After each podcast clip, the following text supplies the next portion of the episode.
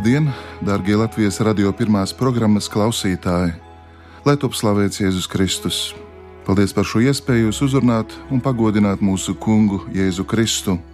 Ar jums kopā šī rīta svētbrīdī ir Katoļu baznīcas bīskaps Andris Kravalis.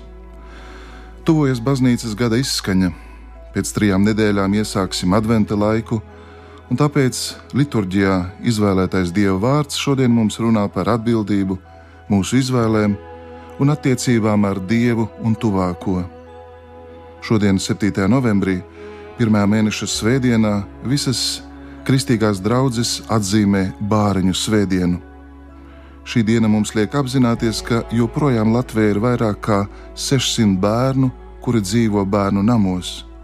Turklāt katram no viņiem ir savs stāsts, sava svētā vēsture, bieži vien ciešanu, sāpju un apjukumu caurstrāvota. Lūksim par šiem bērniem, par vecākiem, par ģimenēm, kuras būtu gatavas atvērt savas mājas, ģimenes, savas sirds durvis, lai palīdzētu, atbalstītu un mazinātu bērnu ciešanas. Un varbūt tieši tu vai tava ģimene var kļūt par brīvprātīgo, par viesģimeni, augu ģimeni, adoptētāju, mentoru vai vienkāršu un praktisku atbalstu šajā dieva darbā. Lūksim šodien arī par pašaizlīdzīgajiem darbiniekiem, kuri strādā bērnu namos, ģimeņu atbalsta centros, uzņem bērnus savās ģimenēs, ir brīvprātīgie un labdari. Svētajos rakstos Dievs sevi atklāja kā bāriņu tēvs. Viņš uzklausa viņu lūgšanas, un tām ir īpašs žēlastības spēks. Satikts, uzklausīts, atbalstīts un pieņemts bērns var kļūt par lielu svētību gan cilvēkam, gan visai viņa ģimenei, kura iestājās šajā misijā. Tāpēc bāriņu situācija Latvijā ir mūsu sabiedrības cilvēcīguma kritērijs, arī kristīgās, evaņģeliskās dzīves mēraukla. Katra cilvēka visdziļākā vēlme ir pēc sadraudzības un piederības. Šī vajadzība pēc kopības ar otru ir cilvēciskās būtības pamatprasība. Par cilvēka garīgo briedumu liecina viņa atbildība par apkārtējo vidi līdz cilvēkiem, un īpaši to cilvēku kategoriju, par kuriem runā Dieva vārds - bāriņi, atraitnes, nabagi, cietēji. Pats Kristus mums saka, tas, kurš pieņem vienu no šiem vismazākajiem, patiesībā pieņem pašu Kristu. Šodien Dieva vārds trijos lasījumos, Euharistijas svinībās izceļ atraitnes personu. Protams, ne tikai atraitni, bet, kā to saka 146. psalms, kungs atbalsta jebkuru apspiesto, izsalkušo, važās iekaltu, aklo, nomākto vai svešinieku, un tomēr šajā uzskaitījumā atraitnē ir īpaša vieta. Arī vecās derības sareptas atraitne, kur Jēzus piemin savā pirmajā sprediķošanā, ir izcils paļāvīgas paklausības piemērs un paraugs. Ieklausīsimies, darbie radioklausītāji, lasījumā no Jēzus Kristus evaņģēlija, ko uzrakstījis Svētais Marks, sākot no 12. nodaļas 38. panta.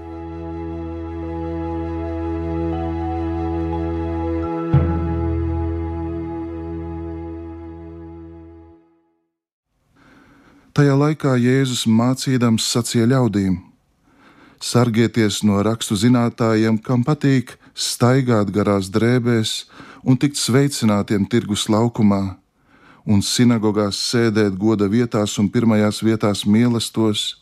Viņi aprī atraitņu mājas un āršķirības dēļ skaita garas lūkšanas. Viņi jo bargākus saņems spriedumu. Un Jēzus sēdēdams iepratī upuru lādei, redzēja, kā ļaudis meta naudu upura lādē, un daudzi bagātie meta daudz, bet kāda nabaga atraitne atnākusi iemeta divus mazus naudas gabaliņus, kas ir viens grasis. Un Jēzus, pieaicinājis savus mācekļus, viņiem sacīja: Patiesi es jums saku, šī nabadzīgā atraitne iemeta vairāk par visiem, kas meta upura lādē, jo visi meta no tā, kas viņiem palika pāri, bet viņa upurēja no savas nabadzības visu, kas tai bija, visu savu uzturu. Tie ir svēto rakstu vārdi.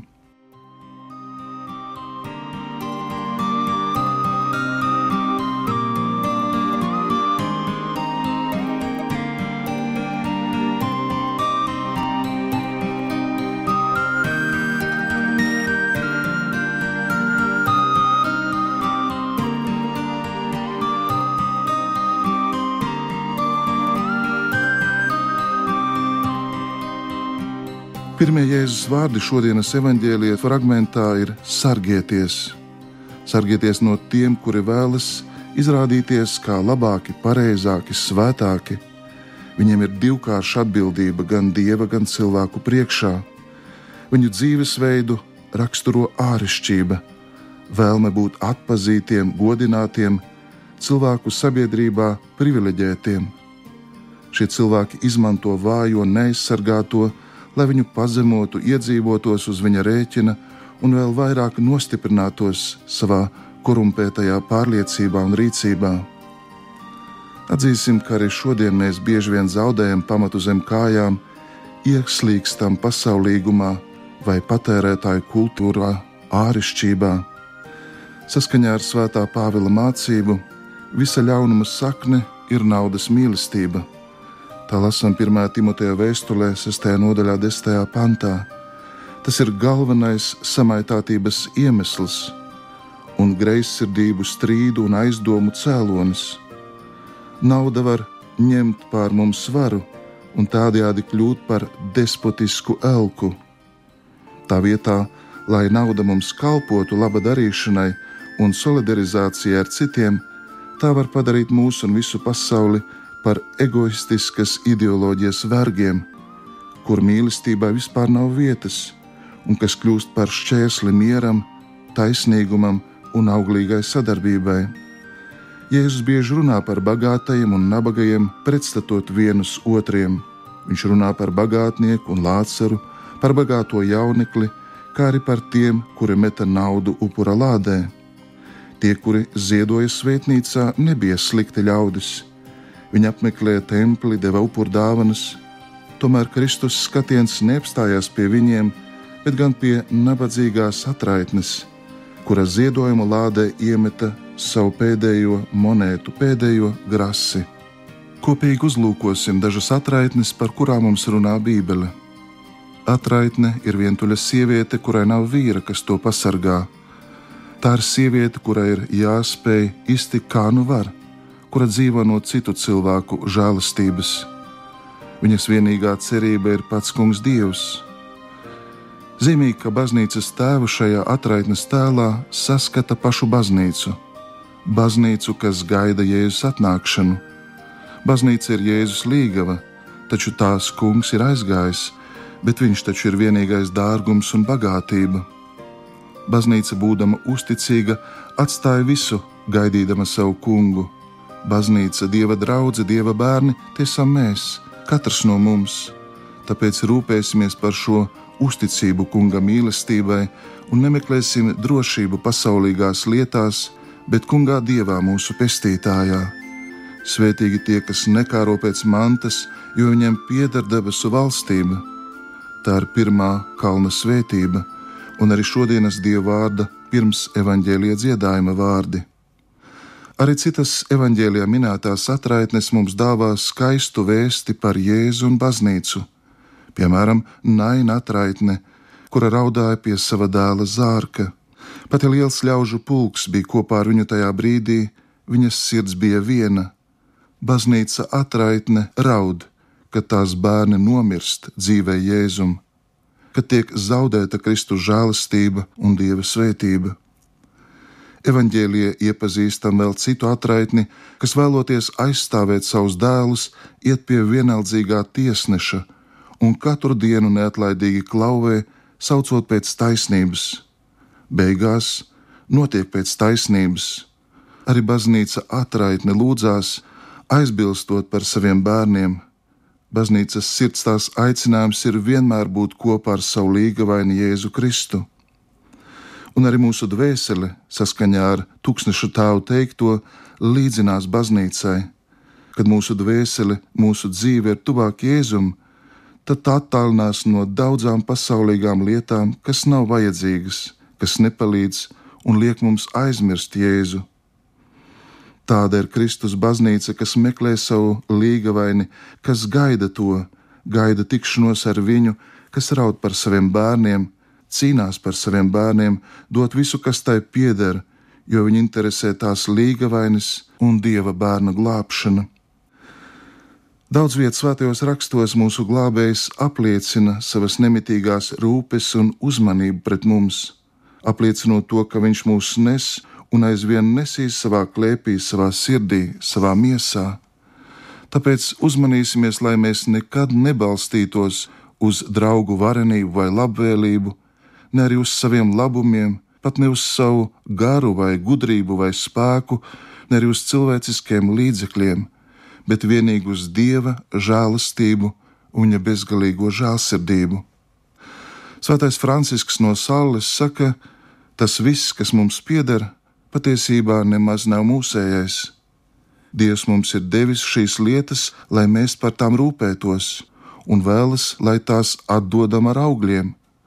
Tāpēc atsakoties, ziedojot, atbalstot trūcīgos, žēlsirdības, žēlastības un evaņģēlīja loģikas spēkā Dievs jums to atdos.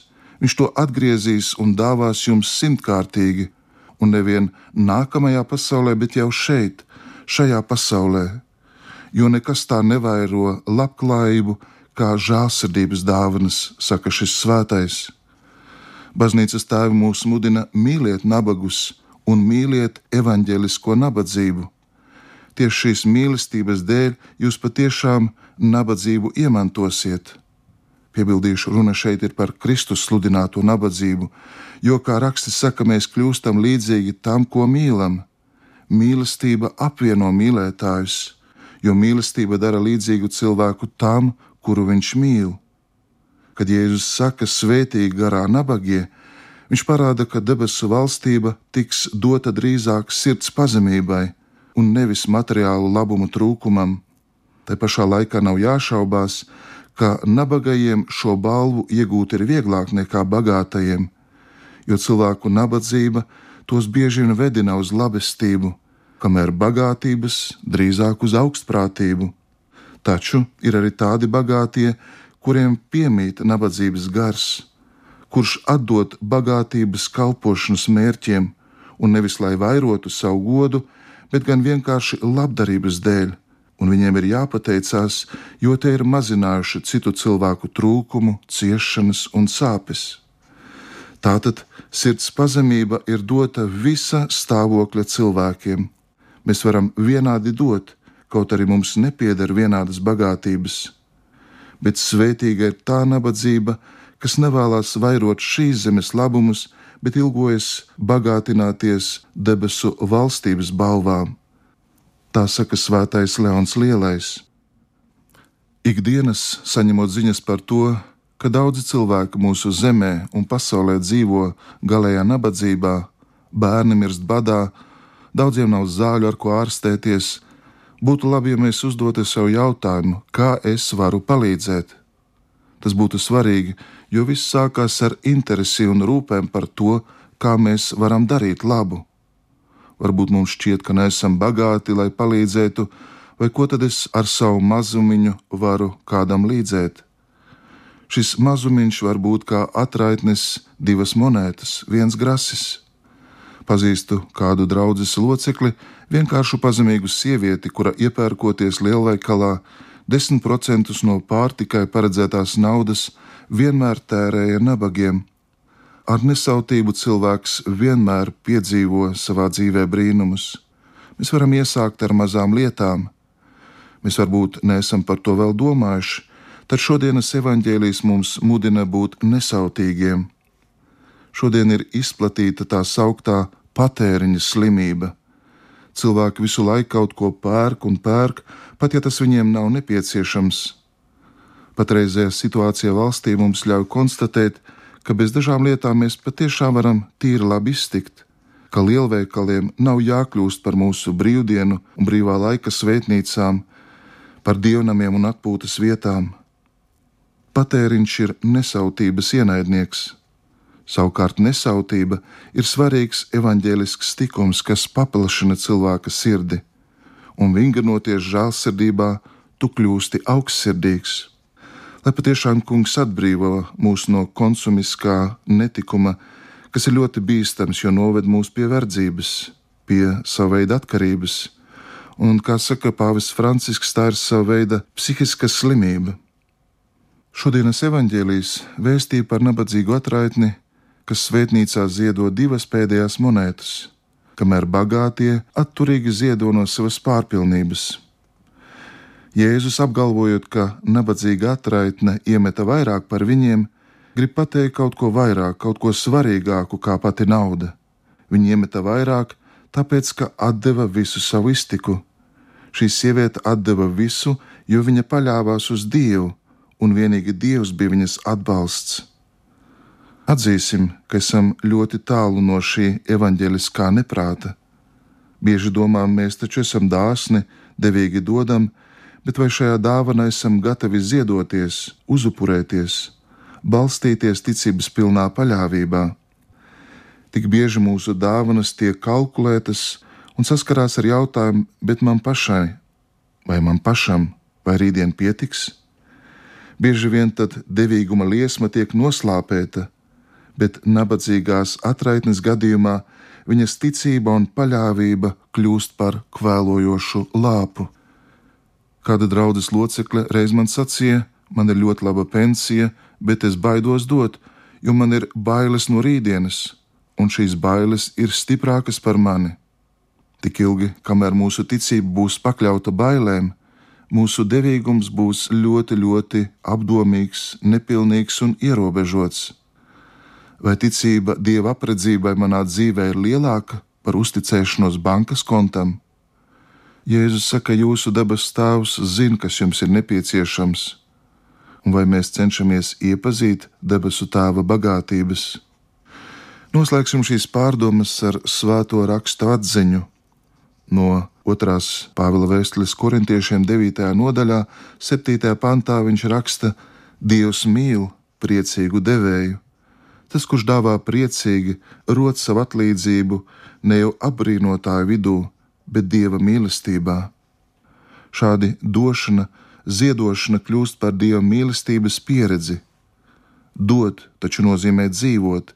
Dzīvība ir iespējama, ja pastāv savstarpējā dāvāšana Šādi iepazīstam arī prieku, ko pavada pateicība un piepildījuma apziņa. Svētīgāk ir dot nekā ņemt. Tie ir vārdi, kuri apakšļu darbos atsaucās uz pašu kungu Jēzu Kristu. Atdod Dievam visu, kas mēs esam. Lūk, pirmais solis ceļā uz svētlaimi, nevis atpirkties, bet veltīt sevi visu kā pilnīgu upuri. Šādi mūsu eksistence iegūst jaunu jēgu Šādi mēs arvien vairāk līdzinamies Kristum, kurš mīlestībā par katru no mums ir vēlējies pildīt tēva gribu un atdot sevi līdz galam, līdz pat krusta nāvei. Paldies, Tev, Kungs, par šo upuri, un tāpēc šo pārdomu noslēgumā lūgsim. Kungs, Jēzu, man nav tādu spēju, un nav vēl tādas ticības, ka ziedoju visu, kas man ir bet tu esi, kungs, ziedojis sevi par mani, bezgalīgi un pārpilnībā. Es vēl nespēju dot savam tuvākajam tā, kā esi spējīgs vienīgi tu, atdodams sevi visu. Un tāpēc, kungs, es tevi lūdzu, liec, lai es reiz būtu bagāts, tā kā garā nabaks, būtu tik stiprs, kā tevī vājš, ka dodot tiktu svētīts un visā piederētu tev. Un tāpēc tava gara spēka rosināts un mīlestībā uz taviem svētajiem vārdiem mēs kopīgi lūdzam, tā kā tu, kungs, pats mūs esi mācījis, sakot: Tēvs mūsu, kas esi debesīs, svētīts lai top tavs vārds, lai nāk tava valstība, tavs prāts, lai notiek kā debesīs, tā arī virs zemes. Mūsu dienascho maizi dod mums šodien, un piedod mums mūsu parādus kā arī mēs piedodam saviem parādniekiem, un neieved mūsu kārdināšanā, bet atpestī mūs no ļauna, jo tev pieder valstība, spēks un gods mūžīgi mūžos Āmen. Un lai jūs visus bagātīgi svētī visvarenais un žēlsirdīgais Dievs, Tēvs un Dēls un Svētais Gars Āmen!